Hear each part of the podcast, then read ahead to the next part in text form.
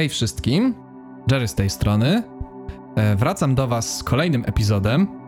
Tym razem udało mi się znowu namówić kolejną osobę i bardzo się z tego cieszę. Myślę nad tym w ogóle, żeby ten format zrobić jako taką właśnie bardziej stałą rzecz. Gadałem o tym, no, z gościem, którego zaraz przedstawię i z kilkoma innymi osobami. Teraz rozważam i skłaniam się w kierunku, żeby spróbować z tego zrobić systematyczną rzecz i ponamawiać osoby, których albumy i muzyka w jakiś sposób wywarła na mnie prywatne wrażenie. Więc no komercyjne to pewnie nie będzie i nie będę pewnie pisał do nieznajomych, chyba że znowu zmieni mi się zdanie. Już ciężko mi w tym momencie tworzyć jakieś stanowiska i mówić, że o zrobię to, zrobię to, bo absolutnie szczerze nie wiem co zrobię. Czuję, się w tym momencie trochę jak takie, okej, e, e, mówię coś w danym podcaście, po czym innego dnia zmieniam zdanie. Dokładnie to samo miałem z Unstable i z promowaniem go, gdzie na początku byłem i bardzo temu przeciwny, a potem stwierdziłem, dobra, może za dużo mam, mam być może mam kija w dupie zbyt, zbyt dużego, że tak powiem, żeby i za bardzo się tym wszystkim przejmuję. Wracając. E, dzisiejszy podcast jest z gościem i będziemy omawiać zarazem kapelę, którą poznałem, jeśli mi się dobrze wydaje, to był rok albo 2019, albo 2020. Nie, to był już 2020. Pamiętam, że Ardian pokazał mi ich pewnego dnia, mówiąc, że właśnie o, jak ktoś by szukał takich właśnie czegoś w stylu Animals as Leaders z Polski. To było w momencie, kiedy jeszcze nie wydali swojej drugiej płyty. To było w momencie, kiedy wydali tylko album, który będziemy teraz omawiać. I pamiętam, że jak go usłyszałem, to wywarł na mnie naprawdę piorunujące wrażenie. Pamiętam, że jak go przesłuchałem, to miałem takie wow, ktoś tak gra, że jakby ktoś zbliżył się do takiego, takiej, takiej wolności kompozycyjnej, którą właśnie przedstawiało sobą Animals as Leaders, czyli taki styl nawiązujący, na pewno nie bezpośrednio będo, będący takim jazzowym, ale na pewno nawiązujący do niego i będącym w tym takim ballpark tego. Przynajmniej dla mnie to takie było. I na mnie to wywarło niesamowite wrażenie. I pamiętam, że potem katowałem ten album i kiedy mogłem właśnie poznać e, chłopaków, to było to też dla mnie takim właśnie niesamowitym przeżyciem, że o, to są ludzie, którzy mieszkają niedaleko i mogę w ogóle z nimi zagrać koncert, to wiesz, to jest takie, to jest śmieszne, kiedy sobie pomyślisz, że można być w taki sposób star, starstruck poniekąd, no bo wiadomo, to nie było takie totalne oszołomienie, ale dalej to był taki autentyczny podziw, kiedy słyszysz album ludzi, których na początku nie znasz i masz takie wow, wow, to są ludzie dokładnie tacy jak ja, ziobro zaskoczenia, no nie, bo to nie powinno być w żaden sposób zaskakujące, ale, ale jest, dalej to jest dla nas alienujące. Pamiętam jak Holcomb o tym mówił e, w Riffhardzie, gdzie e, mówił właśnie o tym, że dla niego takim czymś był Emperor, e, czyli ta kapela blackowa, gdzie właśnie było takie e, nikt nie wiedział, kim ten gościu jest. On po prostu wydawał albumy i bardzo wiele osób podążało za nim i potem się nagle okazało, że to jest taki normalny gość, siedzi sobie w piwnicy, nagrywa muzykę Eldo. Tak naprawdę nie było nic do powiedzenia. I to jest bardzo wydłużone wprowadzenie. Niemniej, e, będę dzisiaj mówił, znaczy pewnie widać to nawet w tytule, ale będę dzisiaj mówił o kapeli Metafox i o ich albumie Causal Loop. I dzisiaj ze mną jest, e, ciężko mi powiedzieć, napisałem, pamiętam, że w, pod, w konspekcie napisałeś mi, że współzałożyciel, więc nie chcę tego pomylić, bo bardzo nie chcę właśnie urazić e, chłopaków, z którymi grasz, bo wiem, że wydaje mi się, że wasza inicjatywa jest bardzo wyrównana, jeśli chodzi o pracę i to, jak wszyscy wkładacie w to wysiłek. Więc tak, chciałbym wam przedstawić e, Michała Franczuka, gitarzystę Metafox. Mam nadzieję, że nie utrudniłem ci roboty, ale Bardzo mi miło. Witam wszystkich słuchaczy. W ogóle trochę tru- trudno mi teraz będzie zebrać myśli po tym, jak, jaki wstęp zrobiłeś, bo mm, zdałem sobie sprawę z tego, że no naprawdę nasza, nasza muza może, może coś znaczyć dla kogoś, więc to, to jest mega. Tak, jestem współzałożycielem Metafoxów. Jak sobie napisałem w kontekście synth nerdem i w zasadzie sobie, sobie żyję, chodzę sobie po tej ziemi, tak? Czasem jest spoko, czasem, czasem mniej. Bardzo się cieszę, że mnie zaprosiłeś do rozmowy. To będzie na pewno zajebista przygoda. No właśnie to jest, to będzie przygoda dla nas dwojga, bo dla mnie to jest niesamowite, bo wiesz, jak nagrywałem podcast z Jakubem, to było to kompletnie inne wrażenie, e, bo Jakuba znam. Jakuba znam już od dłuższego czasu. Gramy razem w Haven World od e, początku 2019. Tak naprawdę ty i ja znamy się głównie z konwersacji na Messengerze, z jednego koncertu, który razem zagraliśmy. Który był zajebisty. który był naprawdę dobrym koncertem, w sensie i Poskładało mnie konkretnie wtedy. no właśnie, ja mówię, ja mówię z kolei o was, że to też było dla mnie fajne doświadczenie właśnie zobaczyć tą muzykę na żywo. Dla mnie to było niesamowite, tak możemy jeszcze w ramach takiej dygresji, bo będzie ich pewnie pełno. Mhm. Będzie ich bardzo dużo. Niesamowite dla mnie było to, jak wy potrafiliście, i to jest dla mnie jako dla takiego typowego Metal Kida, e, właśnie, który w Haven World raczej gra bardzo ustalone rzeczy, Mhm. które mogą brzmieć na improwizowane, typu wiesz, jak jest ten jazz w Tornie na przykład, no nie? Tak, I tak, to tak. brzmi na takie improwizowane, ale ja zawsze gram tam tą samą ten, ten sam baseline, bo jakby nie mam tam za dużo miejsca na to i bardzo staram się trzymać rzeczy, których się nauczyłem. I było to dla mnie naprawdę niesamowite zobaczyć kapelę, która po prostu nagle między utworami tak człowiek czeka, o, ciekawe jaki będzie następny utwór i nagle zespół zaczyna sobie improwizować. I to było dla mnie bardzo wow. Ja nigdy nie spotkałem się z tym w takich będąc na scenie około metalowej, około rockowej, nie spotkałem się z tym, że zespół na przykład gra sobie i no nie wiem, solo perkusyjne, okej, załóżmy, No że tak. to jest jakiś rodzaj improwizacji, ale że cały band nagle zaczyna improwizować, nigdy się z tym nie spotkałem. Wiesz co, to bardzo dużo zależy od sytuacji, y, bo zdarzały nam się koncerty, które były totalną spiną. e, I jedyne o czym myśleliśmy to o tym, żeby zagrać tego seta, przejść od początku do końca, y, nie zajebać się przy tym y, i żeby było git. Natomiast y, ten konkretny koncert, który graliśmy razem, dał nam zajebiste flow. W sensie to była, to, to naprawdę y, atmosfera, która się tam wytworzyła, ludzie, którzy przyszli, skład zespołowy, czyli my w He- Heaven World i Beyond the Event Horizon, zajebi, zajebiści ludzie i świetny zespół. No po prostu sprawił, że my się bardzo pewnie poczuliśmy na scenie, ale w taki sposób nie, nie do końca może jakoś bardzo arogancki, tylko taki, że kurde, ludzie przyszli y, mieć po prostu dobry czas i my też poczuliśmy tą energię i od współ, współkolegów ze sceny, w sensie na przykład was czy, czy, czy Beyondów i z, od ludzi właśnie na widowni, więc to było takie bardzo naturalne, że, że czuliśmy, że mamy bardzo duży zapas wtedy, że, że kurde, a co się stanie, jeżeli Bartek na chwilę zacznie grać na Rawwaście, a ja coś dodam, za, za chwilę Wiktor patrzy, dobra, no to coś, coś dodajmy. Tego nie było dużo, my, my mamy e, ambicje, żeby, żeby generalnie było więcej tej improwizacji, e, bo jednak uważamy, że fajne jest odgrywanie płyty jeden do jeden. To jest wyzwanie i często, i często ludzie przychodzą, sam, e, nie wiem, słysząc pierwszy raz Animalsów, jak poszedłem na ich koncert, to byłem ciekaw, hmm, ciekawe ile razy się wypierdoli. No i wypierdalał się wiele razy, ale, Tak, przy tym tak. Za, ale przy tym zagrali to po prostu ostatecznie, faktycznie, e, perfekcyjnie. E, natomiast, natomiast wydaje mi się mimo wszystko, że najfajniej jest zagrać to, co masz do zagrania na, najlepiej jak się da, ale dodać coś jeszcze, nie? Tak. Czyli albo coś przearanżować, albo zrobić jakieś dłuższe solo, albo dodać jakąś improwizację. To są takie rzeczy, które wydaje mi się na koncercie są kluczowe, żeby przyciągać tych ludzi i, i, i dawać im jakąś ciekawość, nie? Że dajmy na to nawet widzieli cię, widzieli cię w, w lipcu w Warszawie, e, ale będą ciekawi, jak- jaki zagrasz koncert na przykład w listopadzie, nie? Tak. Także Tak, to także- daje taki. To sprawia, że każdy koncert jest nie dość, że. No bo wiesz, inny, bo zmienisz setlistę, to jedno, ale inny, bo usłyszysz na przykład, nie wiem, albo dane utwory w trochę zmienionym aranżu, albo właśnie dokładnie dodajesz improwizację, czyli taka. Coś, o czym Adam Neely ostatnio zrobił film, że jakby zaimprowizowali w ogóle cały koncert od początku do końca, że wszystkie numery były improwizowane. I to Wow, to, to, to musiało być grube. to było grube. To było dosyć ciekawe i właśnie to mi dało trochę. To jest bardzo fajne porównanie do Was, że to sprawia, że każdy koncert jest nie tylko. To, to zabrzmi śmiesznie, to co teraz powiem. Każdy koncert jest nie tylko unikalny, ale unikalny. Tak, wiem o co ci chodzi. dokładnie, wiem no o co ci chodzi. Yy, tak, zdecydowanie. To znaczy, yy, też, też to nie jest tak, że mm, wiadomo, w perfekcyjnej okoliczności wszyscy mają nagle flow i po prostu jest yy, jakaś uduchowiona kmina i, i, i- lecimy. Natomiast w praktyce często jest też tak, że zakładamy jakieś, jakieś, jakieś opcje, czyli na przykład teraz yy, na najbliższych koncertach, gdzie będziemy już tak zamykać ten rozdział Immobilize, będziemy grali prawdopodobnie całą płytę. To już to zagraliśmy e, w, w styczniu, pierwszy koncert właśnie w naszych rodzinnych siedzach, wyszło naprawdę fajnie. Właśnie na przykład y, w July'u, e, już nie, nie będę aż takiej dużej dygresji robił, albo robię ją, więc sorry.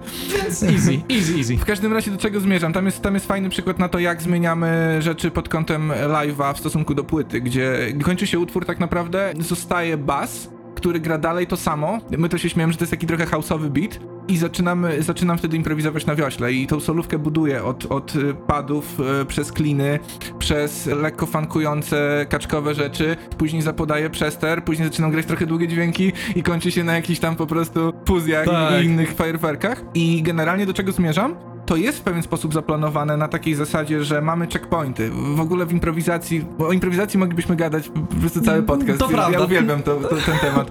Ale generalnie kmina na checkpointy to jest, to jest, to jest taka kluczowa dla nas, czyli, czyli nie dajesz sobie, yy, nie uczysz się improwizacji na pamięć, ale dajesz sobie takie po prostu miejsca, w których yy, mniej więcej wiesz, co, co, co, co, co chcesz zagrać, chociażby po to, żeby się czuć komfortowo i że jak się coś wy, wywali, gorszy dzień, choroba jakaś, przeziębienie, yy, gorszy odsłuch, yy, to w tym miejscu się jesteś w stanie złapać i, i, i wyjść. To jest, y, mogę to trochę śmiesznie porównać, to jest dosłownie tak jak robienie konspektu pod podcast. Tak, to jest dokładnie mapa Masz myśli. pewną mapę myśli, dokładnie. Dokładnie tak, to jest- to jest dokładnie no. to. I tutaj e, przeszedłbym właśnie tak e, powoli do kolejnego rozdziału. Będziemy pewnie dużo właśnie wtrącać takich rzeczy, bo wydaje mi się, że to będzie właśnie też taki fajny insight w. E, Wydaje mi się, że fajne będzie, jak podcast nie będzie tylko ściśle dotyczył pewnych e, określonych rozdziałów, tylko właśnie będzie pokazywał też, jak ty i jak chłopaki, z którymi grasz, myślicie i jak to wszystko wygląda. Myślę, że dla fanów waszej muzyki to może być naprawdę fajne się dowiedzieć, że o, wy myślicie i działacie w ten sposób i na przykład potem, wiesz, usłyszą was na żywo i będą, niektórzy ludzie, wiesz, wezmą to pod uwagę i będą mieli takie, o wow, czyli oni na przykład teraz mają takie właśnie, wiesz, checkboxy na przykład względem siebie w Na improwizacji, pewno, czy... na pewno szczególnie, że nie przypominam sobie wielu okazji, żebyśmy mieli możliwość przedstawienia naszej kminy na, na muzę e, werbalnie. Mhm. Jakieś tam zdarzały się, ale, ale, ale właśnie to, to chyba taki pierwszy moment, gdzie, gdzie, gdzie mogę pogadać i troszeczkę przybliżyć muzykę, która jest bardzo abstrakcyjna czasami i wydaje mi się, że lekkie, lekkie wyjaśnienia nie zaszkodzą na pewno. Mogą, Tak. mogą, mogą nakierować na odpowiednie tory, jeżeli ktoś z, zaczyna na przykład tego słuchać. Tak. I tutaj myślę, że poproszę cię właśnie, żebyś mi opowiedział o czymś. Ja pamiętam, że zrobiłem ci właśnie bardzo fajną listę pytań. I myślę, że po prostu w takim razie absolutnie szczerze, żeby sobie nawzajem uprościć robotę, bo i tak dygresję będziemy robić, po prostu będziemy się w miarę jej trzymać. Tak jest. I będę chciał się ciebie właśnie spytać o coś, o co już pytałem Jakuba i myślę, że będę tą formułę kontynuował pewnie z większością osób, z którymi się tutaj spotkam. E, będę chciał się ciebie spytać o jakąś taką właśnie twoją... To, to brzmi troszkę jak takie, wiesz, jak w e, filmach fantazy, takie coming of age. E, co, strasznie to jest napompowane, natomiast chodzi po prostu o to, jak do tego wszystkiego doszedłeś, czyli jakaś twoja właśnie... Jak do tego doszło, nie wiem. Dokładnie.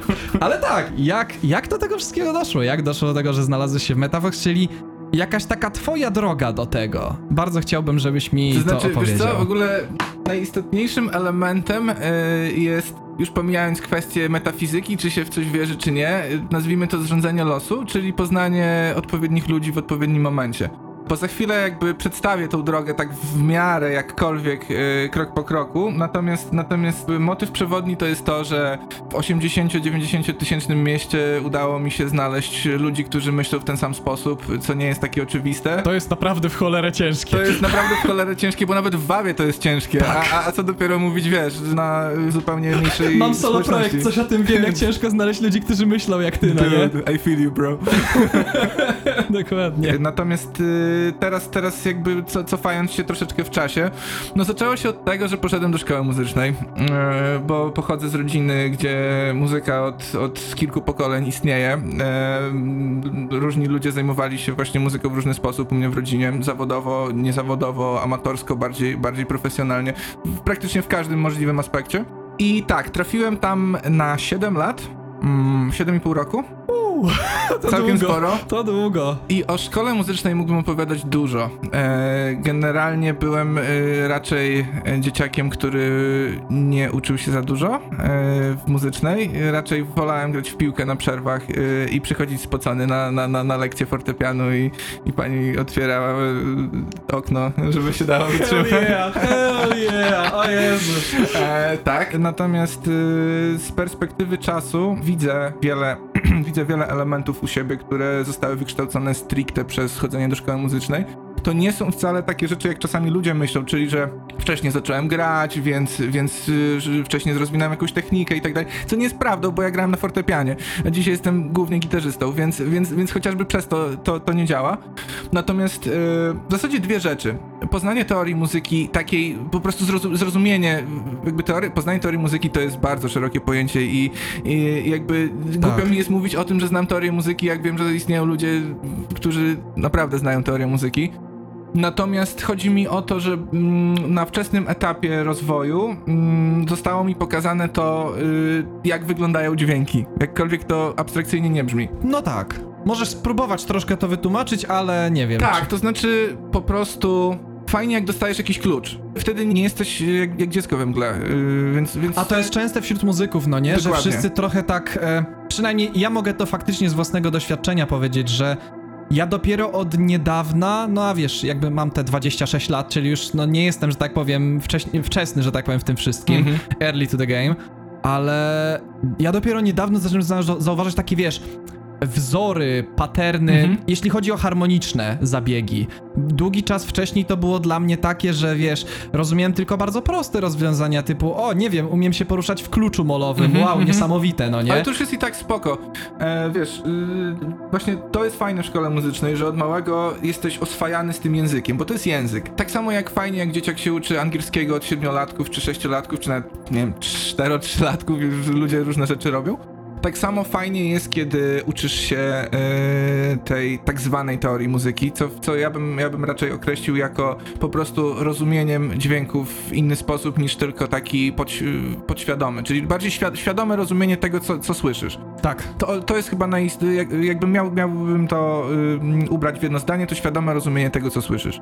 Tak. To jest jedna rzecz. Natomiast druga rzecz, bardzo fajna w, w szkole muzycznej, to jest nauczenie się trochę takiego zamordyzmu. Ja też to widzę po, po swoich znajomych z, ze szkoły muzycznej, że oni mają taki troszeczkę takie troszeczkę scholastyczne podejście do robienia muzyki. Że u Hmm. nich to nie jest. Czasami to jest chaotyczne, ale generalnie to jest takie. No takie troszeczkę zamordystyczne. Ja sam widzę po sobie, że, Okej. że, że lubię flow, lubię sy- sytuacje, kiedy, kiedy zaczynam coś y, robić tak y, bardzo mm, pod wpływem jakiejś chwili. Mhm. Natomiast, natomiast y, szkoła muzyczna od małego uczy cię e, takiej systematyczności, e, powtarzania danych czynności, y, nie oczeki, przede wszystkim nieoczekiwania szybkich rezultatów. Mhm. Bo bardzo często jest tak, że dzieciaki się zniechęcają. E, ten pierwszy moment, y, kiedy zaczynasz grać na fortepianie, zag- zagrasz jakiś pierwszy utwór, jest Tak. fajnie.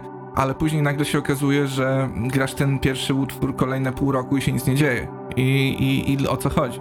Tak. Więc y, te big steps, nie? Nagle robisz duży krok. E, I tylko do tych kroków trzeba dotrzymać. Więc jak, jak, jak utrzymasz się w tej szkole muzycznej przez te powiedzmy 7 lat, ja na drugim stopniu już zrezygnowałem, bo to, to, to nie było to, czego też nie żałuję, to siłą rzeczy uczysz się tego, że pewne, że pewne e, umiejętności przychodzą z czasem. Hmm. To jest chyba fajna rzecz i to jest coś też...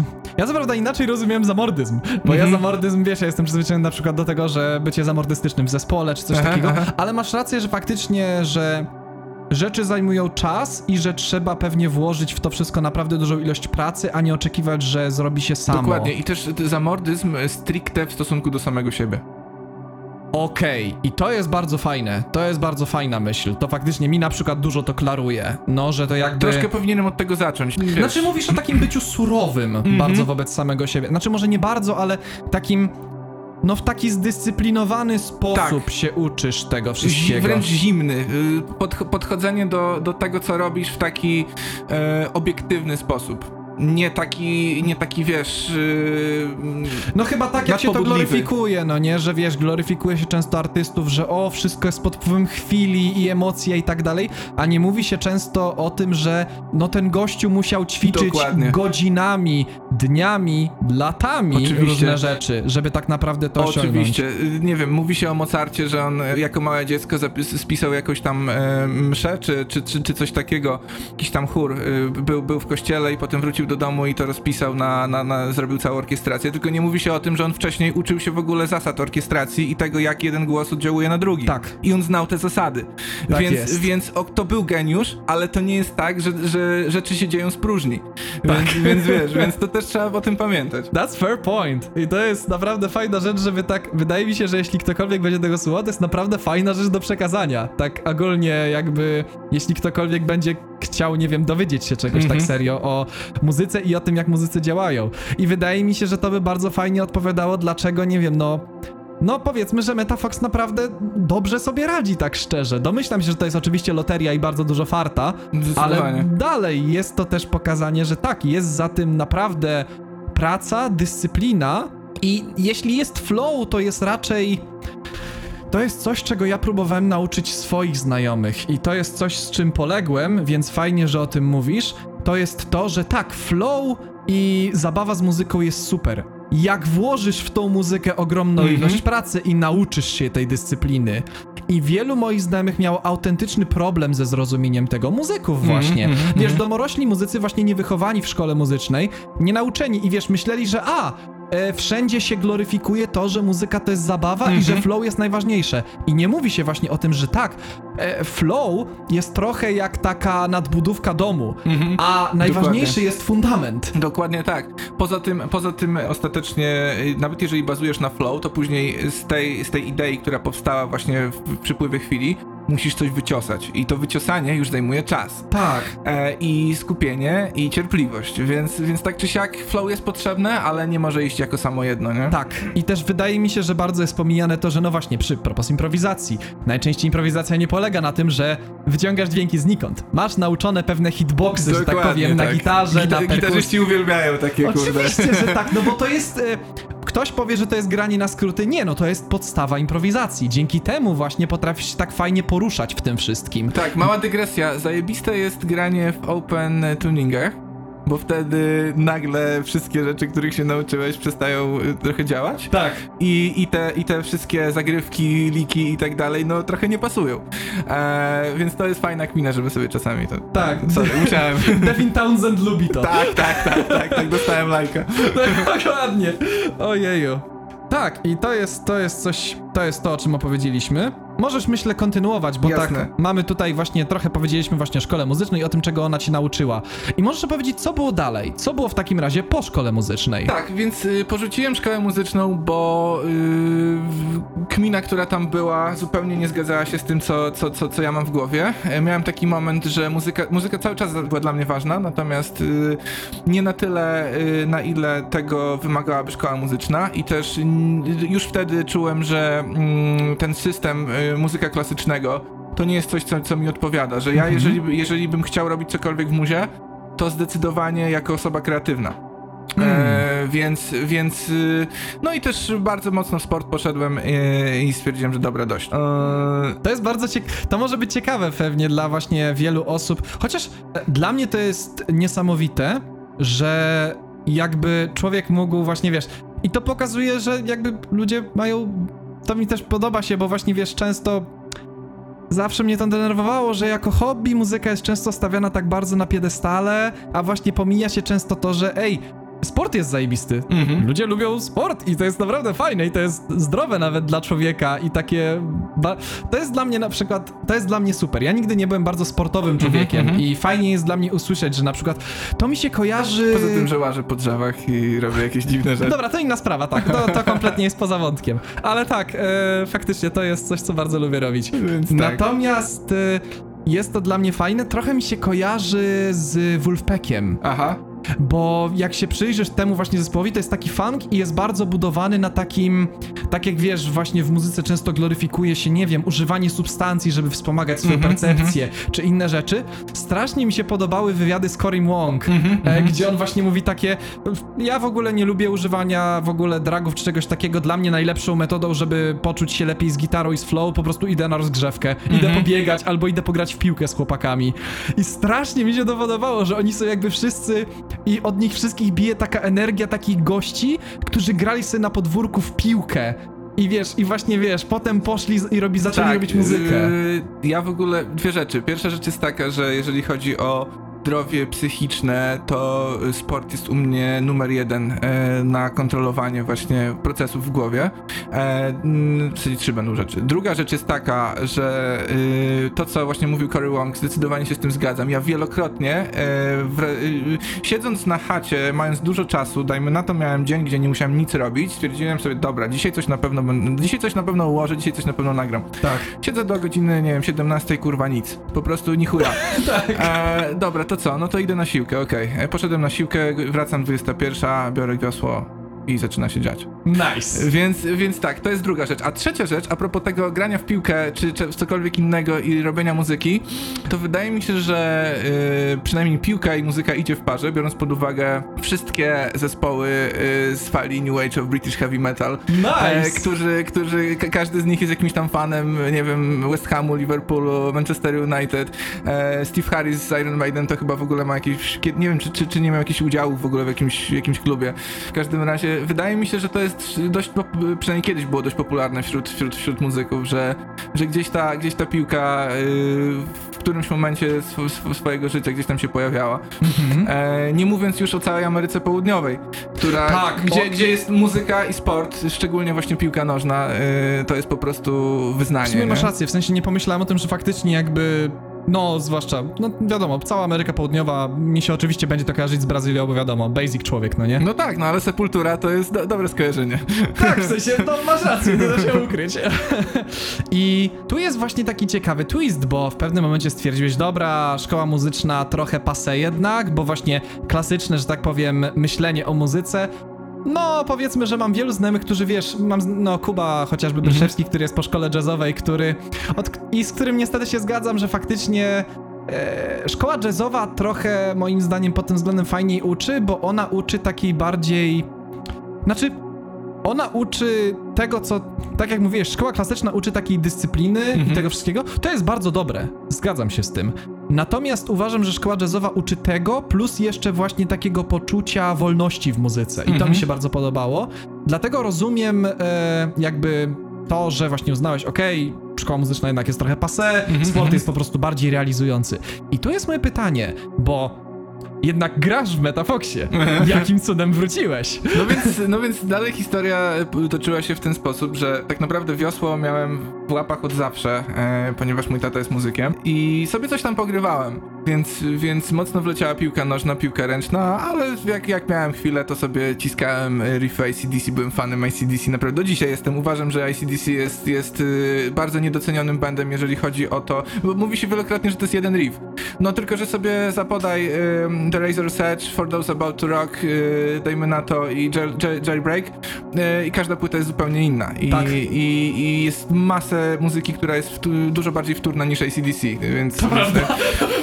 Zgadzam się z tym. Więc, więc zdecydowanie tak, ale to było takie, takie, takie mm, gimnazjalne słuchanie muzyki, czyli, czyli no, miałem naszywki e, na plecaku. Yeah. Jak Oj. poszedłem do liceum, miałem już zdartą naszywkę Iron Maiden i ACDC. Zdartą, rozumiesz to? Miałem zdartą naszywkę. Więc, więc tutaj masz pra- naprawdę, kurde, trutypa. E, Holy shit, szanuję. tak, ale, ale y, wszystko się zmieniło bodajże w roku 2009, e, kiedy pojechałem z tatą na koncert Steve'a Lukatera. To był chyba 2009, albo jakiś ósmy, nie, dziewiąty. Mhm. I w tym momencie e, Michałkowi troszeczkę popierdoliło się w głowie. po prostu totalnie. E, ja często mam e, taką teorię o z, jakby z, z, zmianach buildu postaci, że, że są, Tak, są tak. różne wydarzenia, które sprawiają, że jesteś troszeczkę innym typem. I one się zwykle dzieją na, na przestrzeni jakiegoś, jakiegoś okresu i po jakimś, i po tym okresie dopiero oce, oceniasz, że to była zmiana, bo jak ona, się, jak ona się dzieje, to, to tego nie wiesz do końca.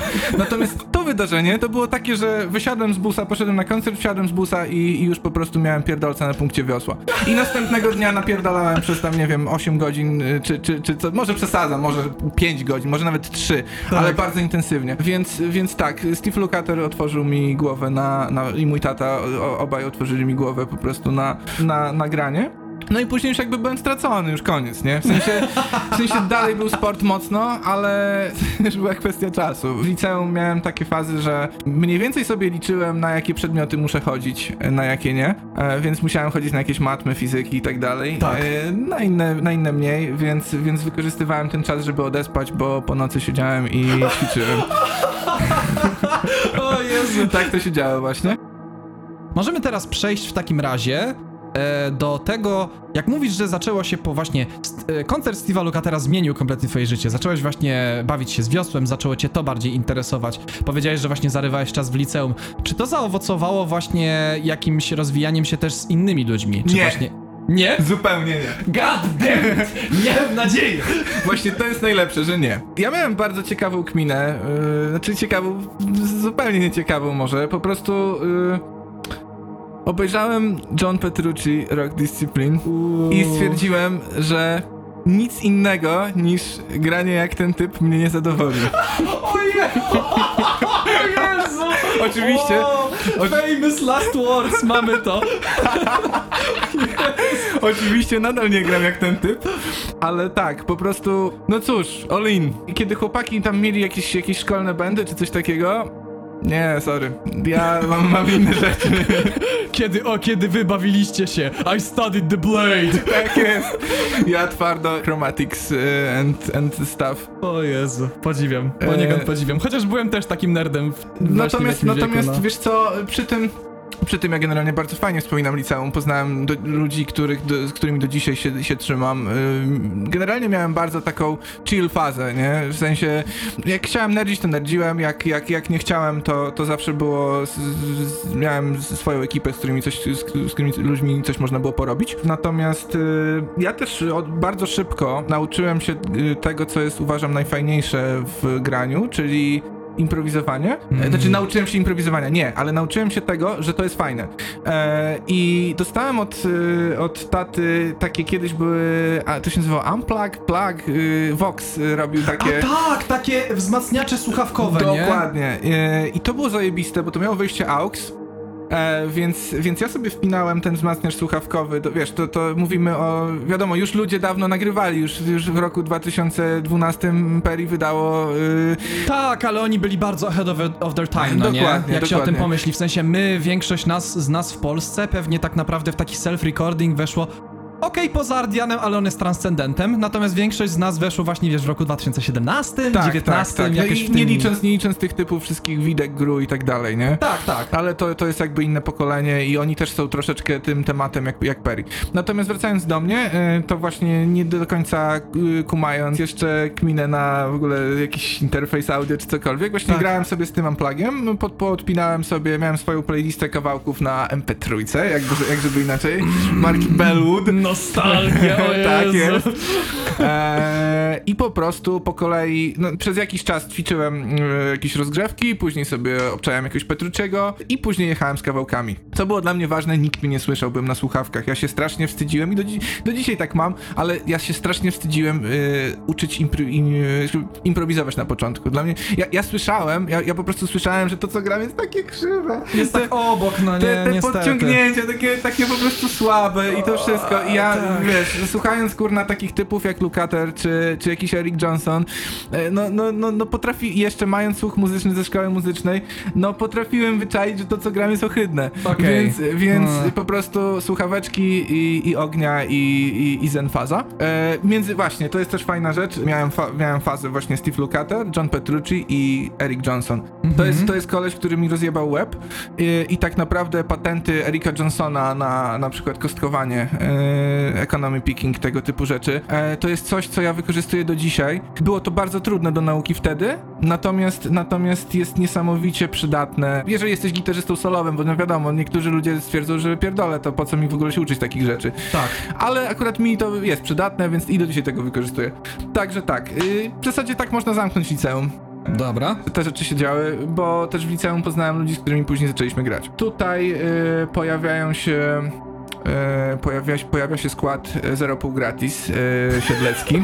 E, nazwa jest, nazwa jest, jest, jest, jest ciekawa. Jest bezbłędna, stary. Tak, natomiast, natomiast chłopaki w pewnym momencie naprawdę bardzo mocno zaszumieli w, w regionie, chociażby właśnie przez to, jak, jakie mieli umiejętności. Jakby to nie jest muza, której ja bym dzisiaj słuchał, ale, ale, ale mam do nich szacunek. Mhm. E, I tam też właśnie poznałem Bartka, e, który wtedy był wokalistą jeszcze. Nice. To było dla mnie tak niesamowite, jak gadaliśmy przed jeszcze Aha. nagrywaniem tego oficjalnego i powiedziałeś mi, że gości właśnie... Znaczy, to nie powinno być dziwne, bo to jest normalne, że zazwyczaj człowiek jak gra na jednym instrumencie, to się zaczyna interesować drugim albo właśnie, no...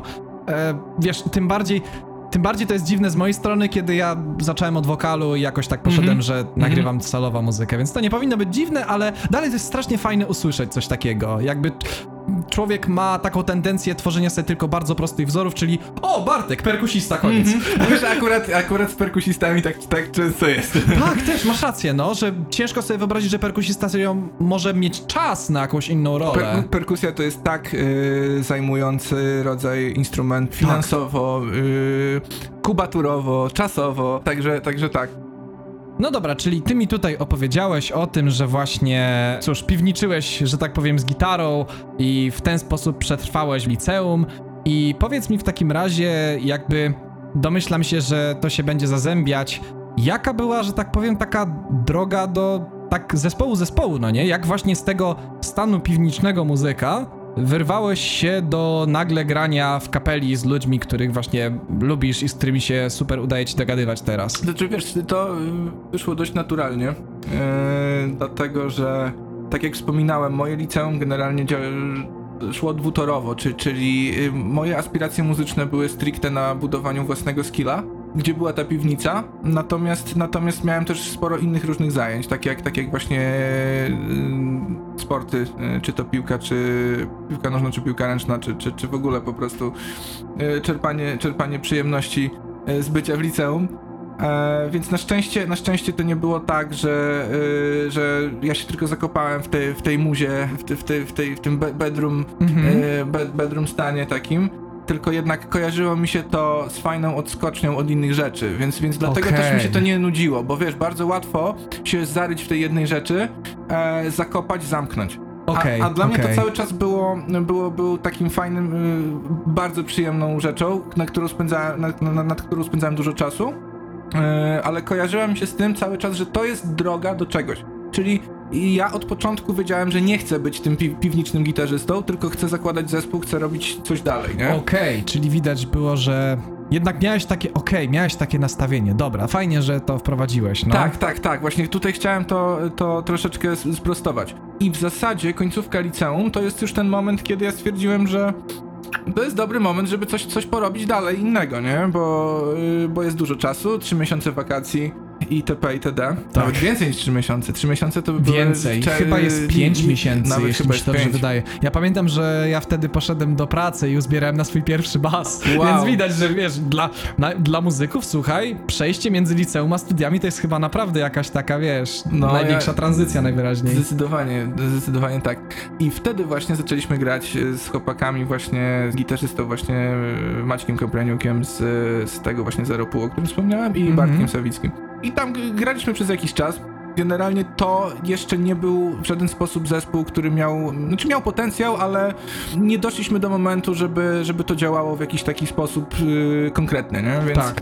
E, więc nasze drogi się z Bartkiem znowu rozeszły wtedy e, i przychodzi rok 2016, e, kiedy pod wpływem różnych zmian charakteru e, i innych okoliczności sprzyjających zaczęliśmy wspólnie grać znowu. Tak. Wtedy już Bartek był zdecydowanie bardziej nastawiony na perkę, e, już, już te jego wo wokalne kminy, znaczy on cały czas był wokalistą, ale, ale tutaj, już, y, e, tutaj już w naszej kminie był bardziej bębniarzem. Mhm. E, No i tak wpadliśmy na taki pomysł, że kurde, mamy trochę czasu, zróbmy sobie parę jakichś coverów y, typu, ja tam pamiętam wyjąłem wtedy jakiegoś chyba Larego Carltona. On wyjął... E, generalnie chodziło o rzeczy takie około jazz rockowe. Zajebiste. W sensie strasznie fajnie się o tym słucha, wiesz, jak ja myślę o tym, że wiesz, wśród moich znajomych wszyscy e, dawajcie covery, metaliki, e, wiesz, jakiś Slayer, dobra te, a u was wiesz takie, no możemy robić takie, wiecie, jazz rock, fusion, jakieś rzeczy, coś tak. Wiesz, też trzeba brać poprawkę, że my się troszeczkę porywaliśmy z młotyką na słońcu.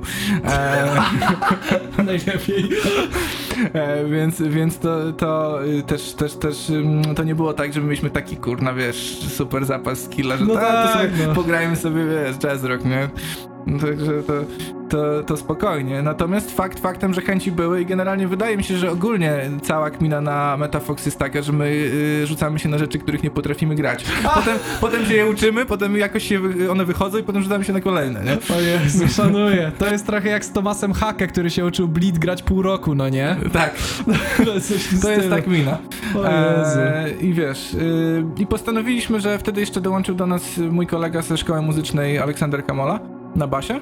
E, I graliśmy sobie tak przez y, chyba dwa, nie, rok, rok, to, był, to było chyba, zaczęliśmy 16 jesienią i do jesieni 17 graliśmy w tym składzie.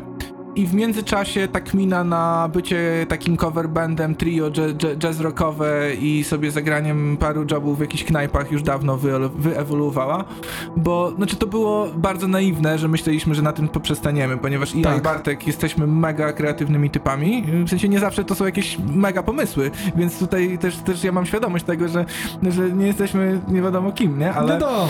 Ale, ale fakt faktem, że, że po prostu uwielbiamy tworzyć rzeczy i to było oczywiste, że zaczniemy nawet nie for the sake of progressive metal, e, ale po prostu dlatego, że lubimy kminić I, i te numery zaczęły wyglądać tasiemcowato, zaczęły być jakieś połamane, y, to tamto, co też jest o tyle śmieszne, że Bartek wtedy wcale nie miał fazy tak bardzo na łamanie.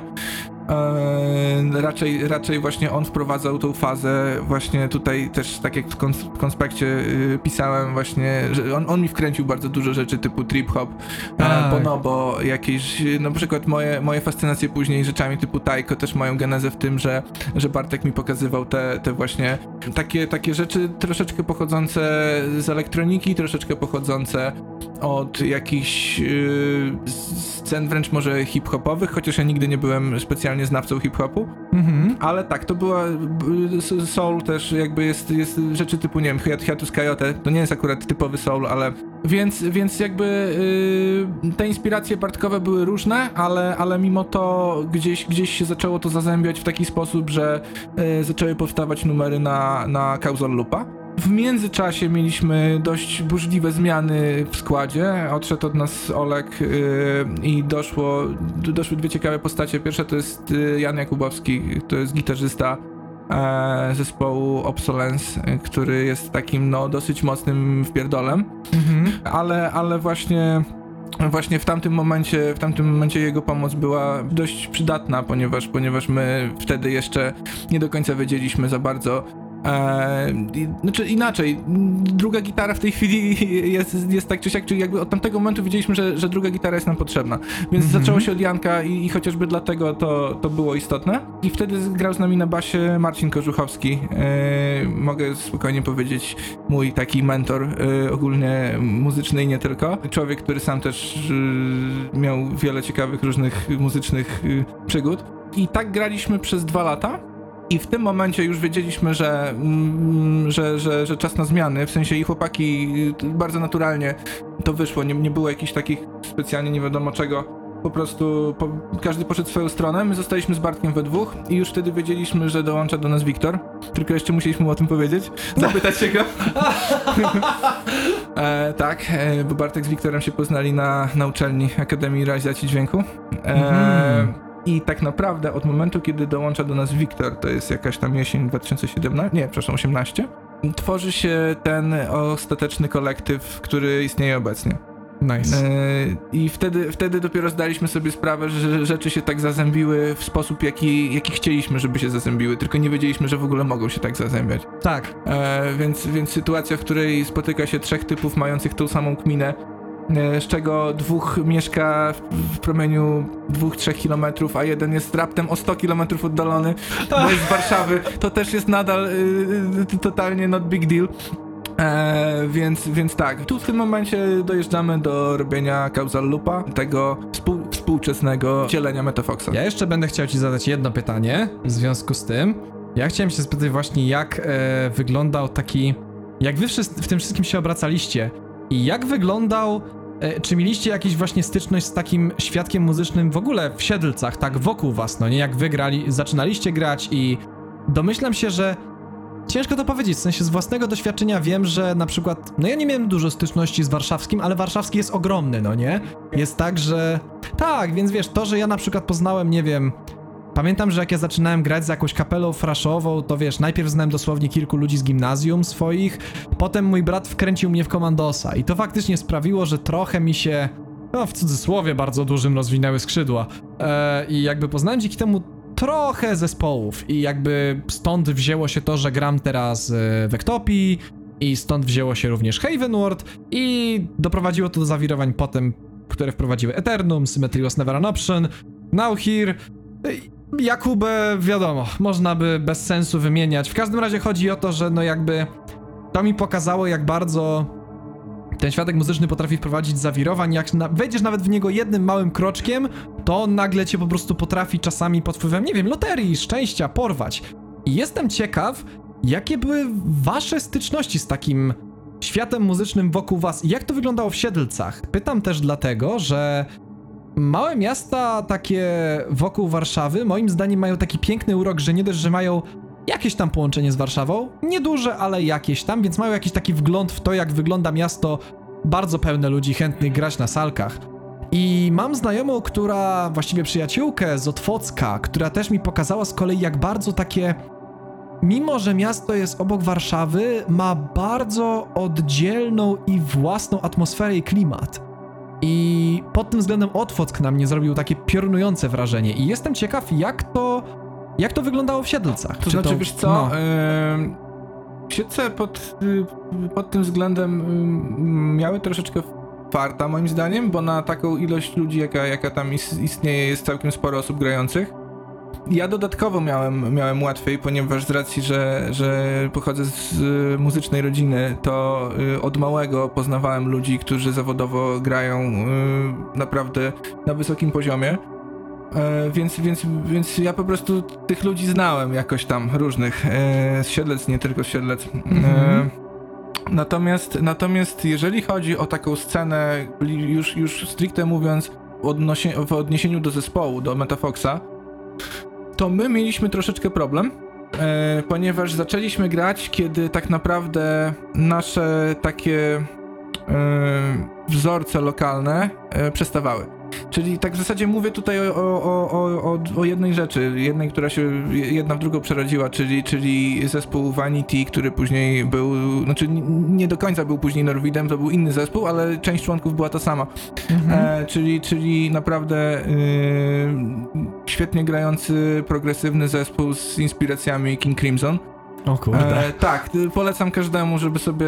Są, są pewne nagrania na, na, na necie, y, przepotężnie y, skminiona rzecz. I tak naprawdę, kiedy my, y, to zresztą właśnie Marcin Korzuchowski, którego wspominałem, jest, jest y, y, w zasadzie głównym tam e, motorem. Pomysłodawcą, tak. motorem tego zespołu. Czy był. E, w zasadzie wielokrotnie się z Bartkiem śmialiśmy, że wtedy, kiedy nam by się przydało być takim takim support bandem dla jakiegoś większego takiego właśnie bandu okolicznego, e, to za bardzo nie mieliśmy. Bo oni, oni, oni skończyli granie chyba koło 15 roku, no a my wtedy tak naprawdę dopiero ledwo co zaczynaliśmy. Pierwszy, pierwszy koncert chyba zagraliśmy w 17. tak. Było nam trudno. Dodatkowo to już nie były czasy liceum, e, gdzie e, chłopaki właśnie tak jak Bartek ze swoim e, licealnym zespole e, byli lokalnymi gwiazdami Tak. e, i generalnie zapełniali salę, tak? Nie, jakby ni- ni- nikt, się, nikt się nie zastanawiał jakby nad tym, e, jak to faktycznie, jakie to ma przełożenie na, na, na, na realny rozwój zespołu, bo wiadomo, że był to rozwój krótkotrwały. tak. Natomiast, natomiast fakt faktem, że e, my już tego nie mieliśmy. Ja osobiście uważam, że jest to, że, że, że to było trochę błogosławieństwo, ponieważ my musieliśmy wykuć ten band w takiej litej skale.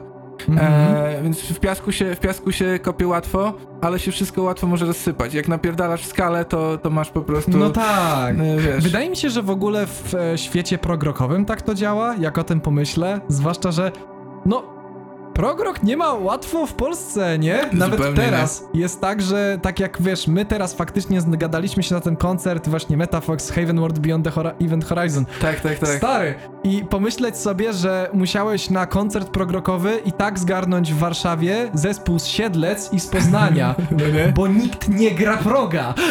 To znaczy, tak, też, też, też mimo wszystko ktoś tam gra, tak, ale, e, ale, ale y, wiadomo, no... Jest ciężko. Jest ciężko. Jest ciężko, naprawdę tych zespołów jest mało, zgadywanie się razem na trasy, na koncerty.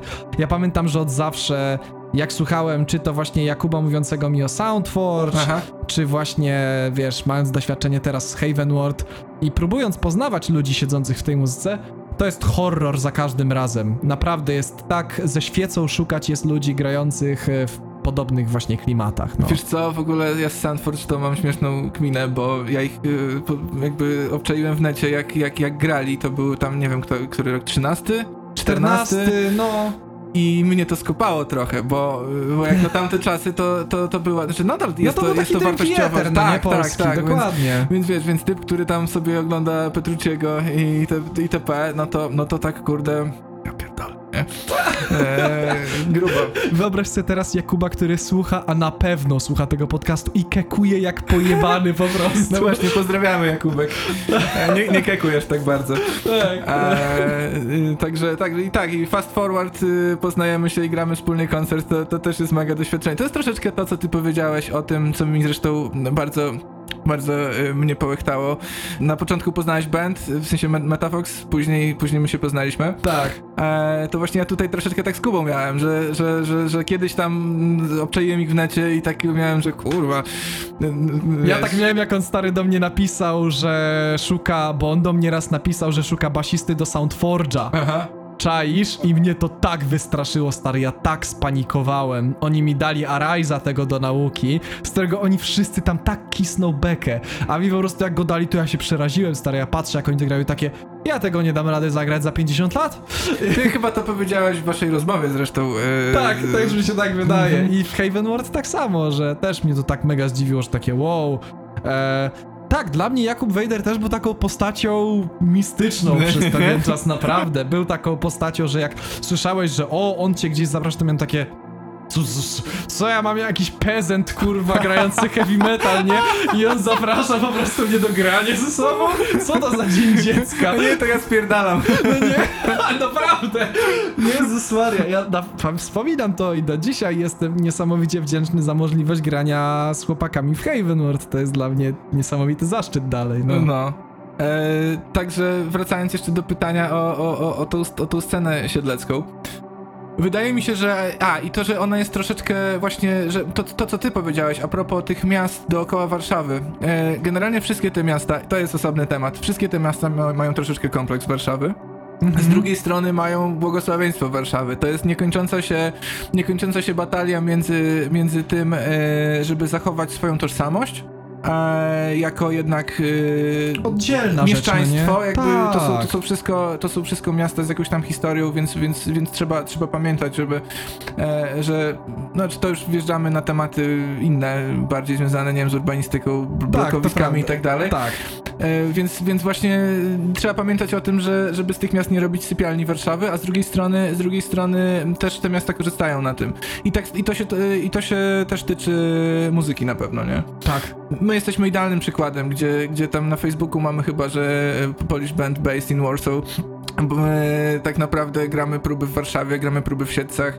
E, jeden członek jest na stałe w Warszawie, my się przemieszczamy. Mhm. E, też tak naprawdę nie do końca jest, bylibyśmy w stanie aż tak funkcjonować, gdyby nie Warszawa, bo jednak y, masa ludzi, tak jak nie wiem, my, w sensie He- Heavenward y, czy Pindrop, z którymi, z którymi y, gry, grywaliśmy już kilkukrotnie i jeszcze będziemy, jeżeli się nic złego nie wydarzy, teraz mamy właśnie te grania w ramach tej ich yy, mini trasy z nowym, yy, z nową płytą. Zresztą wy Tak. też tam będziecie. No, Haven Fox tak zwany. Raven Fox, dokładnie, piękna nazwa. E, także te wszystkie rzeczy byłyby niemożliwe, gdyby, gdyby nie fakt y, tego mm, czerpania y, z, z bycia miastem przy dużej aglomeracji, nie? Tak, to jest taka, tak, to jest tak jak powiedziałeś, taka sytuacja plus minus, że tak, nie jesteś do końca w Warszawie, więc to może być taka trochę zazdrość, że nie ma takiego łatwego dostępu do tego wszystkiego. Zdecydowanie. Ale z drugiej strony jest coś, czego Warszawa zazdrości takim małym miastom i to jest taki bardzo osobny klimat. Aha. I ja jako warszawiak właśnie taki, co prawda z obrzeży, ale Białęka ma problem taki, że to Białęka jest trochę jak takie oddzielne miasto pod Warszawą, tylko nie ma własnej tożsamości. Mhm. Kompletnie. I jak ja się właśnie wychowywałem na, wychowywałem na Białęce, ja nigdy nie słyszałem o zespołach i jeśli już, to raczej pojedynczy muzycy są stąd. Aha. Jeśli jacyś znajomi, no nie? Ale nigdy nie słyszałem na przykład tak jak, nie wiem, Ektopia, to jest na przykład, można śmiało powiedzieć, że taki Warsaw-based i przede wszystkim taki Ursynów-based. I na przykład, że... Ursynów to jest kolejna kmina, o której chciałem powiedzieć za chwilę. To jest bardzo głęboki temat i to jest temat, na który ja mam jeszcze bardziej ambiwalentne uczucia, więc w ogóle nie będę się wypowiadał. to, to nie jest klimat na podcast, pogadamy sobie o tym po prostu Okej, prywatnie. Em, natomiast e, tak, to jest takie. To jest coś, czego myślę, że ja zwłaszcza zazdrościłem. Ja, jako osoba, która musiała raczej wszędzie samemu dojeżdżać i zawsze musiałem jakby do ludzi z Warszawy iść. Czyli Mhm. na przykład jak chciałem grać z Haven Ward, czy z dowolną kapelą, to ja musiałem jechać do Warszawy. Zawsze się czułem jak z takiego miasta, które nie ma tej własnej aury i strasznie zazdrościłem tego przyjaciółce, tak jak wspomniałem z Otwocka, gdzie to miasto miało ewidentnie własną tożsamość, miał ewidentnie swoje grupy znajomych, swoje grupy ludzi, które wcale nie chciały się zapuszczać do Warszawy. Bardzo dobrze się czuli w Otwocku i bardzo lubili swoje miasto i jego kulturę, jego co, puby, rozrywkę. To jest bardzo fajne, to jest bardzo fajne. Ja niestety ze swojego doświadczenia aż tak bardzo nie, nie widziałem tylu przypadków, które by tak miały. Co prawda moja bliska grupa znajomych jest, jest taka, że, e, że, że, że jednak y, ciągnie nas troszeczkę do, do tego swojego miejsca. E, Natomiast, y, natomiast y, co do Warszawy, no to mm, ja będąc tutaj tak y, na stałe, później częściowo na stałe, teraz troszkę mniej, e, od tego 14 roku, no też obserwuję różne, różne zależności, w sensie, że są dzielnice wybitnie to wybitnie hermetyczne. Na przykład Ursynów, no dla wielu ludzi nie jest Warszawą, tak? On jest naprawdę hermetyczny. Tak absolutnie I szczerze ja się jest... zajebiście, ja, ja, ja właśnie mieszkałem na Ursynowie yy, przede wszystkim. Chyba tylko, nie no, jeszcze, jeszcze na, na Bartyckiej, yy, to też, to jest śmieszna gmina. To też jest, no... E, natomiast, natomiast Ursynów mnie kupił od razu tym. Ja się tam bardzo, bardzo swobodnie poczułem, dlatego że Siedlce są częściowo takim miastem budowanym w latach 70. też, czyli wielka płyta, gierek, y, 40-latek, te Tak. klimaty. Więc, e, więc ja tam automatycznie od razu, e, od razu taka, taka chill betonowo, e, troszkę mroczna, ale zarazem spokojna faza. Tak. Bardzo mi to dobrze robiło. Eee, I też w zasadzie nie wiem czy, czemu o tym mówię, ale musiałem to powiedzieć, jak To zaczęliśmy może gadać być o. przydatne, wiesz, wbrew pozorom. To może być fajna informacja taka, żeby war warto o tym wspomnieć, nie? E, Natomiast, natomiast jeżeli chodzi o tą tożsamość miejsca i wpływ te, tego miejsca na, na, na, na rozwój jakichś grup społecznych, to myślę, że e, myślę, że właśnie e, Warszawa jest, Warszawę trzeba oceniać posz, na, na poszczególne e, dzielnice, Dzielnice, bardziej co niż nie? na samą Warszawę jako samą Warszawę, nie? I myślę, że się z tym zgadzam pod tym względem też, że faktycznie na przykład towarzystwo komandosowe, mojej tej pierwszej kapeli bardziej, to było towarzystwo Pragi, stary. I to było taka ewidentnie praska grupa przyjaciół przede wszystkim. I jakby też to poczułem, zwłaszcza kiedy właśnie potem dołączyłem do Ektopii i nagle zrozumiałem, o, czyli istnieje praski świat muzyczny i istnieje ursynowski świat muzyczny i to są kompletnie oddzielne rzeczy i to jest w ogóle kompletnie oddzielna jakby grupa znajomych muzyków, którzy się znają między sobą. Niesamowita rzecz. To było dla mnie coś niesamowitego, że właśnie Warszawa nie jest jakimś tak wiesz, patrząc światowo, porównując do jakichś rzeczy typu, nie wiem, Nowy Jork czy inne rzeczy, No to jest malutka, nie? to jest malutka, nie? A dalej jest już tak ogromnym miejscem, że tworzą się takie aglomeracje i mikroświatki właśnie tak, muzyczne. tak, takie rezerwaty wręcz. Tak, trochę to, to tak. bardziej są rezerwaty, nie? Absolutnie szczerze tak. I tym bardziej właśnie miasta niektóre pod Warszawą też właśnie chyba próbowały trzymać ten status. Też taka całkiem niesamowita kmina. I myślę, że w takim razie faktycznie możemy przejść bezpośrednio jakby do was jako do zespołu. I tutaj myślę, że pierwszą rzecz, którą chciałbym właśnie spytać was, a raczej ciebie, no bo z chłopakami bardzo chętnie pogadam pewnie przy jakiejś innej okazji, jeśli będzie możliwość. Zacząłbym od tego, że no wiesz, tak to jest trochę coś, tak jak u siebie ja w podcastach to robię. I u mnie w podcastach, jak ja omówię jakiś właśnie taki konspekt wydarzeń, tylko no u mnie to najczęściej tyczy się albumu. W waszym przypadku trzeba by zacząć od zespołu. I w tym przypadku zacząłbym w ogóle pytanie, no tak, Metafox, ale skąd ten Metafox? I jakby nie skąd jako kontekst wydarzeń, skąd nazwa? To jest. e, To jest kmina, którą z jednej strony lubię opowiadać, a z drugiej strony nie lubię opowiadać. Bo to jest trochę tak jak z naszą muzą. W sensie, jak sam dzisiaj stwierdziłeś, ona jest, jak użyłeś ładnego słowa, jest transcendentna. Taka transcendentna, nie? No. Ta nazwa też jest taka. To znaczy, ona nic nie znaczy. Ona po prostu nic nie znaczy. Y, cz- Czasami jak z kimś gadaliśmy, to ktoś nawet jakby nie mógł tego do końca przetrawić, że, że ale jak to? Ja naprawdę liczyłem, czy liczyłam, że to coś znaczy. Nie, nie, nie, to nie znaczy nic. Ale ma to swoje plusy.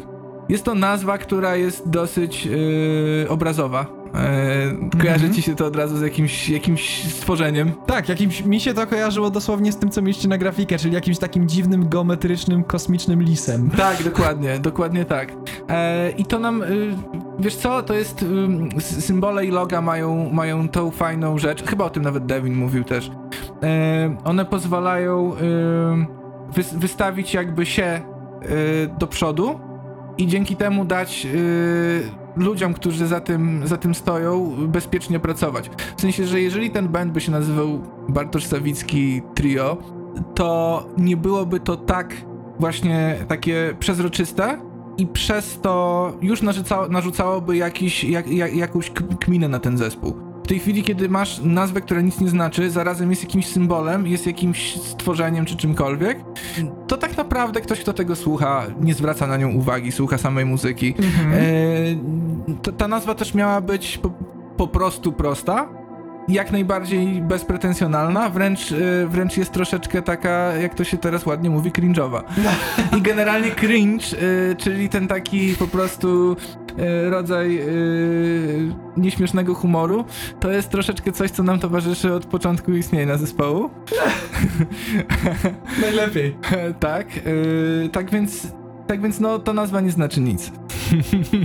Słuchaj, w sensie wiesz, jakby ja być ma, broń Boże, nie mam do tego pretensji, bo wydaje mi się, że często wbrew pozorom właśnie za bardzo się oczekuje od ludzi, że wszystko będzie miało znaczenie. Dokładnie tak. Tu No. trafiłeś zajebiście w sedno. Tym, no, bo często się tego oczekuje i strasznie to jest takie... I tak, masz rację. Mi się wydaje, że to jest często pretensjonalne właśnie w drugą stronę. Mhm. Że to jak często robisz sztukę dla sztuki, to wszyscy powiedzą, o fajnie, Mhm. no git, no nie, Mhm. jakby ciężko cokolwiek więcej powiedzieć. Natomiast kiedy osoba próbuje budować jakieś takie, wiesz, ja wiem, bo ja sam dokładnie robię podobną Mhm. rzecz, niestety jestem sam tego winny, że wymyśliłem sobie jakąś nazwę i przypisałem jej dużo jakichś takich dla mnie znaczeń i ja wiem, że na przykład jakbym próbował na tym jeszcze bardziej, coraz bardziej budować, to ktoś mógłby stwierdził, że no kurwa, jeszcze uniwersum zrób do tego, no nie, już po prostu będzie no to jest cringe'owe, powiedzmy sobie szczerze, w obecnych czasach, jak ktoś wyjeżdża oczywiście z czymś takim i mówi o i robię ten koncept kariery,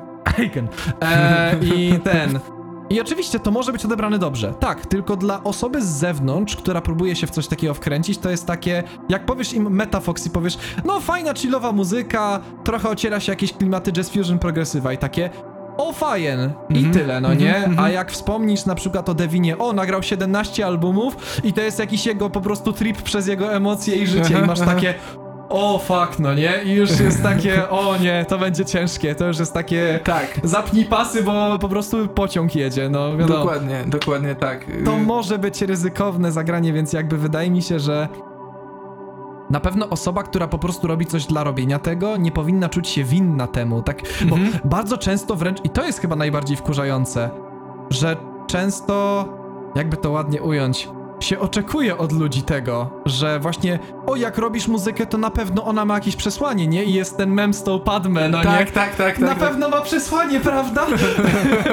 o Jezu, a właśnie nie akceptują tego, że ej, a może człowiek po prostu chciał sobie nagrać muzykę, chciał sobie nagrać album, chciał zrobić coś i nie przypisywać temu większego znaczenia, robić Wiesz to, co? bo to lubi. Ja też y, troszeczkę wychodzę z takiego backgroundu muzyki instrumentalnej. O Jezu, rel. Y, no y, i na przykład, no ja się wychowałem mocno na y, płytach Pata Metenego. Mhm. Ja mam wrażenie, że z Patem Meteny jest trochę tak, że on tworzy muzykę, która broni się wyłącznie tym, że jest muzyką. W sensie, Mhm. że nie potrzebuje niczego, nie potrzebuje nazw. Tak. E, znam osobę, która słucha e, płyty Secret Story, mojej ulubionej płyty Pata Metenego e, od, przez, przez praktycznie całe swoje życie, od kiedy ta, ta płyta wyszła i nie zna nazw e, tytułów tych numerów po Hell kolei, bo ma yeah. po prostu track 1, track 2, track 3 i zawsze słucha po prostu od dechy do dechy. To jest, to jest skończone dzieło. No. I, i wiesz, i, i mnie, mnie troszeczkę właśnie to fascy... zawsze mnie to fascynowało, e, że po prostu robić muzykę, która obroni się jako muzyka. Że Mhm. ona nie potrzebuje, nie potrzebuje kontekstu, nie Tak. potrzebuje nazwy, nie potrzebuje określenia. Dostajesz gotową rzecz, którą słuchasz i sam sobie ją modelujesz w, w Tak. jakikolwiek sposób chcesz. Tak. Nie masz nic. Jakby to jest, to jest troszeczkę takie, mm, dostajesz, nie, nie, jakby dostajesz wędkę, nie? Nie dostajesz, nie dostajesz rybki, dostajesz wędkę. E, co z nią zrobisz, to, to już jest twoja, twoja decyzja. Tak. To jest trudniejsze dlatego też ta muzyka jest, przez, jakby, no, powszechnie się uważa, że muzyka instrumentalna jest trudna e, i też Tak. się z tym spotykamy, że nasza muzyka jest niedostępna. I wydaje mi się, że może to być z tym związane, czyli że my nie dajemy e, słuchaczowi żadnych takich drogowskazów, żadnych, żadnych checkpointów. Po prostu wsiadasz w tego tripa e, trochę po omacku Tak, i handluj z tym. Zob- Tak, no. Zobaczymy, co się wydarzy, nie? dokładnie. I to jest. To jest coś, w sensie, ja zauważam teraz, że na szczęście taka muzyka ma jakieś takie coraz częstsze branie, właśnie przez to, że ludzie, którzy tworzyli muzykę z jakimś przekazem, zaczęli coraz bardziej gmatwać ten przekaz Prawda? i coraz bardziej go utrudniać, no nie? A z kolei ci, którzy robili muzykę bez konkretnego przekazu, mają takie. E, dalej robimy to samo, jakby co. Dokładnie. Więc oczywiście, że to się będzie dzięki temu coraz lepiej bronić. I akurat absolutnie szczerze tego życzę, bo bardzo jestem fanem muzyki takiej. Ja sam jakby Mhm. byłem fanem i próbowałem kminić samemu podobne właśnie rzeczy i jak się uda, to fajnie będzie właśnie coś wydać i będzie, będę mógł właśnie sobie porównać z waszą muzyką i mieć takie, o, ciekawe, czy są jakieś podobieństwa, czy jest podobne myślenie o jakby konstrukcji utworów, czy coś takiego. Z drugiej strony, wiesz, też nie zrozum źle, ja jakby doceniam muzykę konceptualną i skminioną jako większe, wię, większa całość. E, właśnie, właśnie mm, te, te, te powszechne koncept albumy. Tak. Wiadomo, że troszeczkę, troszeczkę jak powiesz, że tam robię koncept album czy coś tam, no spoko. Ym, i jakby, No jest taka- cares? Ja wiem, ja wiem z własnego doświadczenia i ja sam robiąc te rzeczy uważam je za pretensjonalne. Jak Właśnie, najbardziej. ale, ale z drugiej strony czasami, jeżeli ten koncept, jeżeli czujesz ten koncept, jeżeli on ci się podoba, e, to czemu nie? Jak, ja zawsze miałem taką fazę, żeby zrobić double album, e, który będzie na zasadzie dzień i noc, albo y, biały, czarny. No i to jest piękne, no. Y, Oczywiście, gdzie, że gdzie, tak. masz, gdzie masz y, motywy, y, gdzie masz motywy, które na, na przykład motyw A, który jest y, jakimś ciężkim, y, mm, przesterowanym numerem, Mhm. i potem masz na drugiej płytce motyw A, który jest ambientem. Nawiązuje stricte do płyty Ghost, i tylko nie pamiętam, poczekaj, bo Devin zrobił, wróć, o, przepraszam, nie Ghost. E, Biomech, Ocean Machine e, i Strapping. Tak, tak, To tak, jest tak mina. tak, to prawda. Ale mało tego, to o czym mówisz, to przecież nawet jest ten, jak oni się nazywali? O Jezu, nawet Periphery, Periphery zrobiło to w Juggernaucie Alpha, Omega. No tyle, że na Alpha Omega to jest akurat, y, to nie jest tak, że jest y, czarne-białe. Tam, tam te, obie, obie płyty mają y, Uber w pierdol momentami, Tak, Obie nie? płyty mają. One nie są aż tak różniące się, masz rację. Jest tylko po prostu jedna jest bardziej cheesy, agresja, a druga to jest takie. No i tam jakieś historie są, chociaż ja się nigdy w to nie zagłębiałem. Ja też nie, właśnie, a może, Nie powinien, może po, ja może powinienem się zastanowić nad tym, czy jest to, bo do pewnego stopnia słucham tych tekstów i chyba to jest śmieszne, bo sam zwracam uwagę coraz większą na teksty w swojej muzyce, ale czasami zapominam posłuchać tego, o czym tak naprawdę inna osoba śpiewa i chyba powinienem się bardziej tym zainteresować. Taka delikatna hipokryzja z mojej strony, no ale trudno już. Eee, ale tak, to jakby... Więc tak, zgadzam się z tobą z tym, że koncept album jest fajny, na pewno jest fajne ćwiczenie dla muzyka, nie? To jest świetne ćwiczenie dla muzyka, tylko wydaje mi się, że po prostu najgorsze jest, kiedy właśnie, wiesz, osoba pewnie, zwłaszcza nie mająca pozycji, tak zwanej pozycji, zwłaszcza próbuje to tym się sprzedać jako produkt, no nie? I mówić, No że robię... chodzi, nie? Tak, że raczej robisz to dlatego, że mówisz, nie wiem, na przykład, o, wydaję kolejny album i, i nie mówisz, nie nie musisz zaznaczać, że jest konceptem. Jeśli jest, Jeśli to, ktoś, to, to, to się wyczai, nie? tak, to, to po prostu super i tyle. I możesz, nie wiem, luźno wspomnieć potem, tak jak ja w podcaście, że I guess to ma elementy koncept albumu, ale nim nie do końca jest. E, Tak jak ja mówiłem w Unstable, bo nie chcę nazywać tego koncept albumem właśnie z powodu tego cringe'u. Bo to jest to, że wszystko się próbuje tym nazwać, a przez Haven World mi tak podskoczyły standardy, jeśli chodzi o właśnie, wiesz, koncept albumy. Więc tak.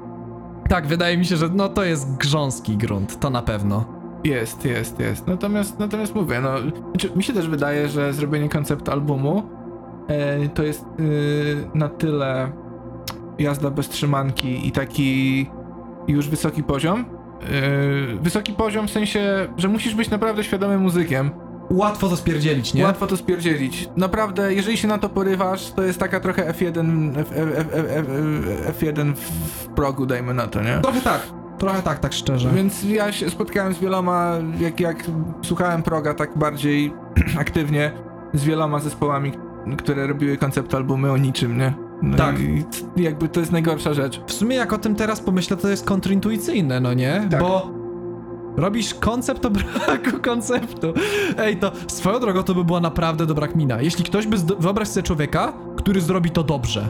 Ja pierdolę. Challenge, Stary. challenge Co accepted. nie, naprawdę, to jest takie, że wiesz, po prostu tylko widać jak i u ciebie i u mnie, tak tylko patrz jak tak wszystko to. Okej, tak. Let's go. Dobra. Czy jest jedna rzecz, którą ja bym bardzo chciał zrobić, która jest trochę konceptem, czyli zrobić, to chyba, to chyba każdy grajek ma, ma tą fazę, czyli zrobić e, muzykę pod obraz. O Jezu, no, no. E, Ja mam e, możliwość to zrobić, to znaczy mam i nie mam, ponieważ nasz serdeczny przyjaciel Jasiek Szczygielski, który występuje u nas w wielu miejscach, czy to przy okazji nagrań, czy koncertów, którego tu pozdrawiam, to jest koleś, któremu ja już od dawna wmawiam, że stary, wiem, że chcesz zrobić jakieś, jakąś rzecz, jak, jakie, jakieś wideo, do którego się szykujesz, bo gadamy o tym już od bardzo dawna, Mhm. gdzie po prostu, jak, to cokolwiek, to może być 5 minut animacji, to, to, to, nie, to, Tak. to nie musi być nie wiadomo jaki film. I właśnie, I właśnie ja już mu to wkręcam od dawna, że słuchaj, jedną z rzeczy, które ja mega chcę zrobić, to podłożyć ci muzę pod wideo. Mm. I myślę, że to jest rodzaj konceptu, który do mnie przemawia najbardziej, bo, bo to mi narzuci już. W sensie ja nie będę musiał wymyślać na siłę jakiegoś konceptu, o, ja go dostanę. Tak. Tak. Więc, więc to jest ta, ta ścieżka, którą chętnie bym gdzieś tam eksplorował jeszcze. To jest tak jak stary Mick Gordon, który dostał, wiesz, z Dumem kontrakt i ma tylko takie, wiesz, Happy Mick Gordon Noises, może wyciągnąć dziewiątkę i robić koncept pod to, no tak nie? jest. O Jezu, oczywiście, że tak. Myślę, że tutaj możemy przejść do kolejnej kwestii. Tutaj bym się spytał o coś. Temat, który już się przewinął. Mhm.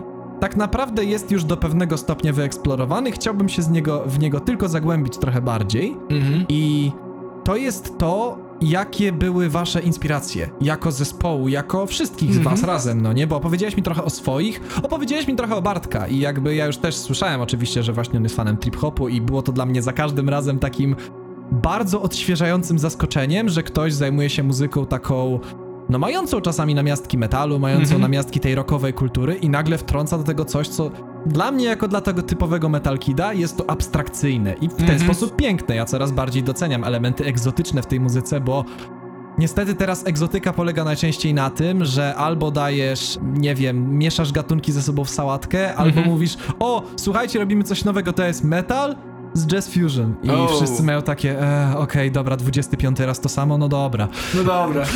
Dokładnie, no nie? I tak, jestem ciekaw waszych inspiracji głębiej, że To tak jest, powiem. to jest fajny temat do omówienia. Zaczynając właśnie od Bartosza, może jak już zaczęliśmy o nim. Jego inspiracje są kluczowe dlatego, że ten band brzmi tak jak brzmi. Mhm. Bo o ile większość rzeczy na Kauzala i Mobiliza ułożyłem ja pod kątem gitar czy syntezatorów, to ostateczny kształt tych rzeczy nadał Bartek przez to, jak ułożył całą sekcję rytmiczną. No, perka tak naprawdę zawsze jest tą fundacją, ona zawsze będzie wszystko Dokładnie. zmieniać, no nie? Dokładnie. I przez to, że Bartek, Bartek przeszedł śmieszną drogę, bo on był Metal Kidem, później, później właśnie jako wokalista też, też miał inne inspiracje zupełnie, więc tam się zawsze pojawiały rze- rzeczy typu właśnie trip-hopowe tematy, czy Bonobo, czy Hiatus Coyote, y, czy ostatnie odkrycie ostatnich lat Jordan Rakey, też też y, albo rzeczy typu Portico Quartet, Hidden Orchestra, takie minimalistyczne rzeczy z pogranicza elektroniki oparte na lupy, tudzież jakieś sekwencje. To Mhm. jest bardzo fajna rzecz do mieszania z innymi gatunkami, szczególnie jak jesteś w w zespole typowo instrumentalnym, gitarowym. Tak. To, to sprawia, że jest szansa bez wielkiego snobowania się, jeżeli wykorzystasz minimum tych inspiracji, na zrobienie troszeczkę czegoś nowego. Ja się w ogóle na tym, na tym łapałem, że na przykład obserwując gitarzystów typu Plini, czy, czy ktoś tam tego typu, oni gdzieś tam nagle wspominają jakieś zespoły typu Snarky Papi na przykład. Tak, Eee, tak. A ja tak, kurde, ja już to jakby dzięki Bartoszowi te, te rzeczy znałem dużo, dużo wcześniej. E, I tak sobie myślę, że okej, fajnie, lepiej późno niż wcale, nie? no dokładnie, w sumie tak. Jesteś typem, którego uwielbiam i słucham, ale, ale tutaj byłem pierwszy. Trochę tak, zresztą Plini, no wiesz, Plini w ogóle jest trochę, jak się o tym pomyśli, to jest ciekawe, że on jest poniekąd w wielu kwestiach late to the game, no nie? W sensie to Mhm. fakt, że on na przykład tak serio zaczął się inspirować Holdsworthem Mhm. dopiero na Impulse Voices, no Mhm, nie? Co jest mhm. bardzo ciekawe, bo gitarzysta został już rozpromowany niesamowicie w metalu, przynajmniej przez Tordendala i Meszugę, Mhm. który o, oczywiście notorycznie bierze od Holdswortha rzeczy. Tak, tak, zdecydowanie.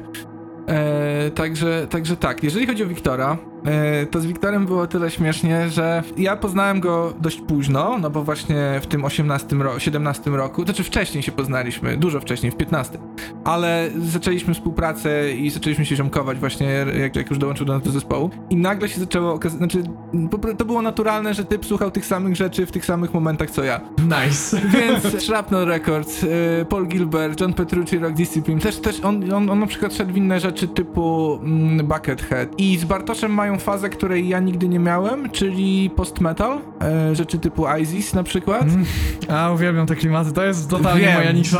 Wiem, Jezu, wiem, no. wiem, wiem. A ja na przykład to jest zupełnie nie moja faza. Ja tego nigdy nie mogłem zrozumieć, nie? Jak oni to włączają, to ja idę spać.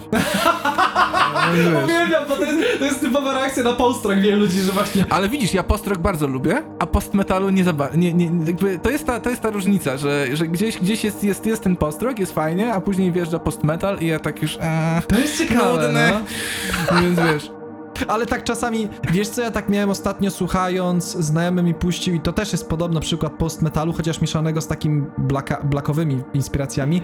To jest ten zespół Obscure Sphinx. Tak, yy, yy, no tak, znam. Tak, znam, znam. ja na przykład słuchając ich koncertu, z jednej strony byłem pod wrażeniem, jak bardzo on był imersyjny, a z drugiej, jakie te riffy były wolne i nudne. Ojejku. I tak, miałem takie mieszane uczucia, bo z jednej strony ja wiem, że o to chodzi, że Mhm. to jest dosłownie to, w co oni, y, oni celowali, ale z Tak, drugiej strony no jest takie, o fuck, no to jest wolne, to jest taki... Jak ktoś jest fanem Doomu, to się z tym odnajdzie. To jest, no. kwestia, to jest kwestia stylistyki, w jakiej się wy, wychowujesz yy, na takim etapie, kiedy dość yy, intensywnie poznajesz muzę. Tak. Kiedy wtedy dostaniesz na przykład post-metal, to, yy, to ci wejdzie. W odpowiednim, w odpowiednim momencie rozwoju, jeżeli dostaniesz ten post-metal, to ci wejdzie. Tak. Ja w tym momencie rozwoju, kiedy mógłby mi wejść post-metal, yy, to prawdopodobnie wtedy dostałem właśnie rzeczy typu Dreamy. Mhm. Więc to jest zupełnie inna faza. Tak. I już było za późno. A, a, a, a zgodnie stwierdziliśmy jakiś czas temu, że nawet oni nie mają sensu mi teraz wkręcać tego postmetalu, bo w obecnym momencie to nie jest rzecz, która im też tak robi, jak robiła i mi też tak by robiła, gdyby, gdybym próbował się nawet w to wkręcać, gdybym Tak. nawet chciał. Tak, tak. To po prostu było na to moment, jeżeli wtedy na to, to nie weszło, to, to po prostu no nie wszystko, nie wszystko musisz jakby kupować, nie? Mhm. Natomiast co do moich inspiracji, no to ja tak naprawdę od małego słuchałem jakichś rzeczy.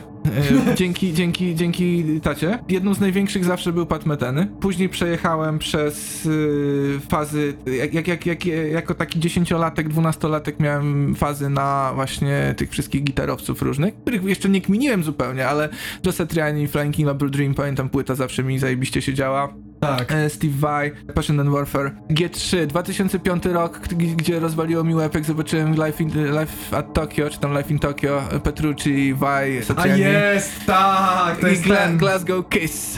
Tak, o Jezu, oczywiście. E, I to słynne, słynne wiosło JP6 Petrucciego z zmieniającym się kolorkiem, wiesz, no jak masz 10 lat, to ci robi, to, mi to teraz robi, ja teraz jakbyś mi to włączył, to prawdopodobnie bym przestał gadać i się gapił na to, nie? Więc wiesz, Hell ja cały czas, cały czas jestem tym dzieciakiem. Hell yeah. Eee, I później, później y, miałem troszeczkę inne fazy, bo, bo w momencie, kiedy os- to się zbiegło z moim zestawieniem szkoły muzycznej, ja poszedłem w takie rzeczy bardziej, e, może nie jak wszyscy, bo, bo wszyscy później w nie poszli, czyli, czyli New Wave of British Heavy Metal, ACDC, Tak. I to była fajna faza, fajnie było to poznać. I tutaj ten 2009 rok i strzał po ryju Steve Lukather i znowu wracamy back to the business. Eee, no i to się ciągnęło tak powiedzmy dość mocno do jakiegoś, do, do mniej więcej czasu, kiedy zaczęliśmy Metafoxa. I ja wtedy zacząłem eksplorować totalnie inne rzeczy, Mhm. czyli, czyli mówiąc ogólnie elektronikę, ale elektronika jest tak szerokim pojęciem, że powinienem to zawęzić, więc, więc powiem, że do rzeczy typu Apex Twin, ostatnimi czasy, rzeczy, kmina na chiptuny, czyli takie, takie z pozoru, z pozoru śmieszne melodyjki, ale zajebiste bity, jak na przykład Sifex Acid Crew, Mhm. E, albo jeżeli wracamy już do takiej elektroniki, elektroniki, generalnie kmina na ambient techno, czyli, czyli te lata 90. i, i muzyka mocno bazująca na, na analogowych padach e, i drum maszynach.